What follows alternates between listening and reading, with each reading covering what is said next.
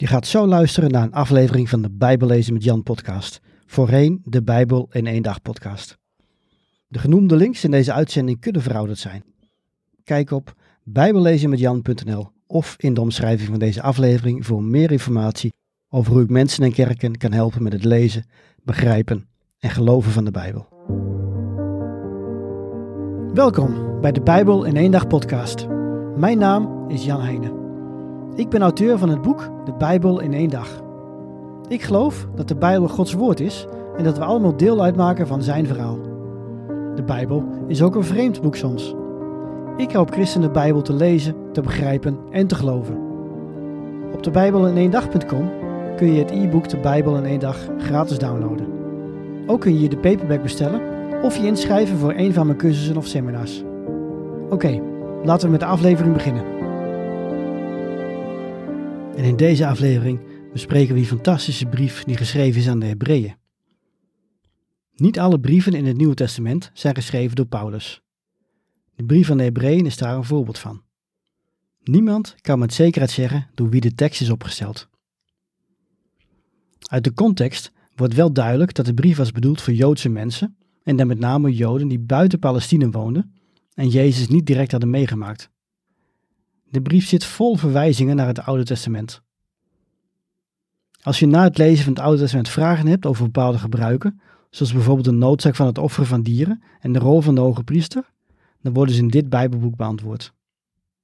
De schrijver van de Hebreeënbrief laat zien dat hij het Oude Testament goed kent en hij vertelt erbij dat de mensen die Jezus hebben meegemaakt hem veel uitleg hebben gegeven.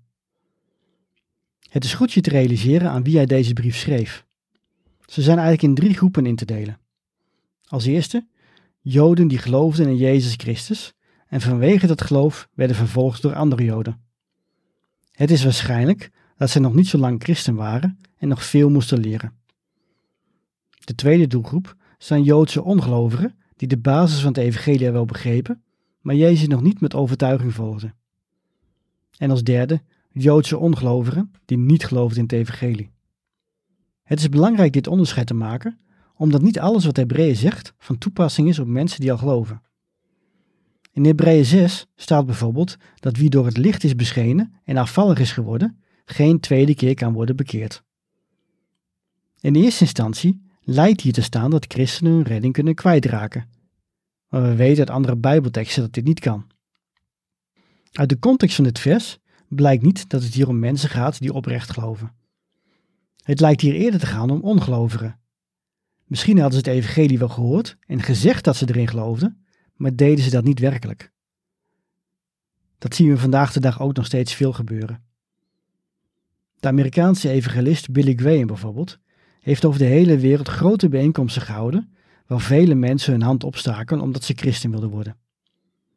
Graham heeft wel eens gezegd dat hij al gelukkig zou zijn als een klein percentage dat oprecht meende en oprecht Jezus ging volgen. Dit was ook een grote zorg van de apostelen. Daarom legden ze zoveel nadruk op onderwijs. De volgelingen van Jezus moesten weten wie ze dienden en wat dat betekende voor hun leven. Als je Jezus volgt, moet je dat met je hele hart, je hele verstand en je hele lichaam doen. En voordat je denkt, dat wil ik wel, maar kan ik niet, wil ik benadrukken dat we geen van allen volmaakte mensen zijn. Jezus heeft ons gered en wij volgen Hem met al onze fouten en gebreken. Goed, laten we nu de hele brief bekijken. De schrijver wil de Joodse gelovigen en ongelovigen vanuit het Oude Testament bij Jezus brengen. Ook wil hij afrekenen met dwaalleren die stellen dat Jezus een engel is in plaats van Gods zoon. Uiteindelijk hoopt hij dat de christenen sterker zullen worden in hun geloof, zodat ze volhouden, ondanks de vervolging. Hebreeën begint met te zeggen dat God op verschillende manieren heeft gesproken en als laatste ook door Jezus. Jezus is Gods zoon en het evenbeeld van God zelf. Wil je God leren kennen? Kijk dan naar Jezus. Zo is God. Jezus is ook veel belangrijker dan een engel. In het Oude Testament brengen engelen boodschappen van God over en voeren andere opdrachten voor hem uit. Jezus staat echter ver boven de engelen. Hij gaf die hoge status op voor ons. Jezus heeft ook een grotere rol dan Mozes. Mozes was misschien wel de belangrijkste profeet uit het Oude Testament. God riep hem op om het volk uit Egypte te leiden. God deed grote wonderen door hem heen en liet hem een tabernakel bouwen. Voor het eerst sinds de zon in de wereld kwam, woonde God via de tabernakel weer onder de mensen. Maar Jezus heeft veel meer gedaan dan een tent bouwen voor God. Hij creëerde het hele universum. En in hem leefde God echt weer onder de mensen. Maar er volgt ook een waarschuwing in de Hebreeënbrief. Het volk kwam in opstand tegen Mozes en werd daarvoor gestraft. Hoeveel erger zal de straf zijn voor wie in opstand komen tegen Jezus? Mozes bemiddelde ook tussen het volk en God, zeker als het volk zich had misdragen. Later werd die rol overgenomen door de priesters, die namens de Israëlieten offers moesten brengen. Jezus is echter de ultieme hoge priester. Iedere dag in de hemel neemt hij het voor ons op. De aardse priesters moesten voortdurend offers blijven brengen om zo te betalen voor hun zonde. Het bloed van de offerdieren kocht hen vrij. Dit was nooit klaar. Tot aan het einde van hun leven moesten ze blijven offeren. Bij Jezus is dat niet zo. Hij was zonderloos, maar toch bracht hij een offer. Hij liet zijn eigen bloed vergieten. Dat ene offer was volmaakt. Nooit hoefde meer een dier te worden geslacht en verbrand op een altaar. Hebreeën waarschuwt daarom opnieuw om niet weg te lopen bij Jezus. De Joden moeten hun vertrouwen niet meer stellen in het offer van dieren, maar in Jezus. Hij is de vervulling van het verbond tussen God en Abraham, tussen God en mens.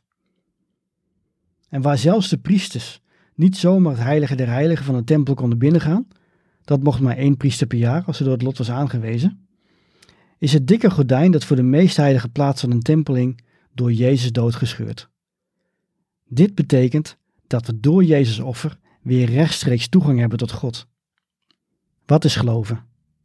Je vertrouwen stellen in wat Jezus voor jou heeft gedaan. Dat is geloven, zegt de schrijver van de Hebreeënbrief.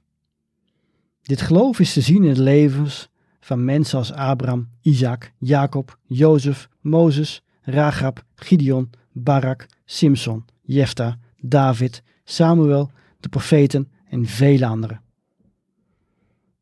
Ze behaalden geestelijke overwinningen, maar verloren ook veel. Toch hielden ze allen vast aan de belofte die God hen had gedaan. Deze mensen gingen ons voor in het geloof. Hoe? Door een blik te richten op Jezus.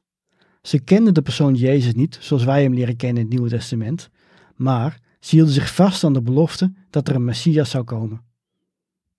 Jezus volhardde, ondanks de tegenstand, en dat moeten wij ook doen. Reken af met de zonde, zodat je niet extra zwaar belast bent.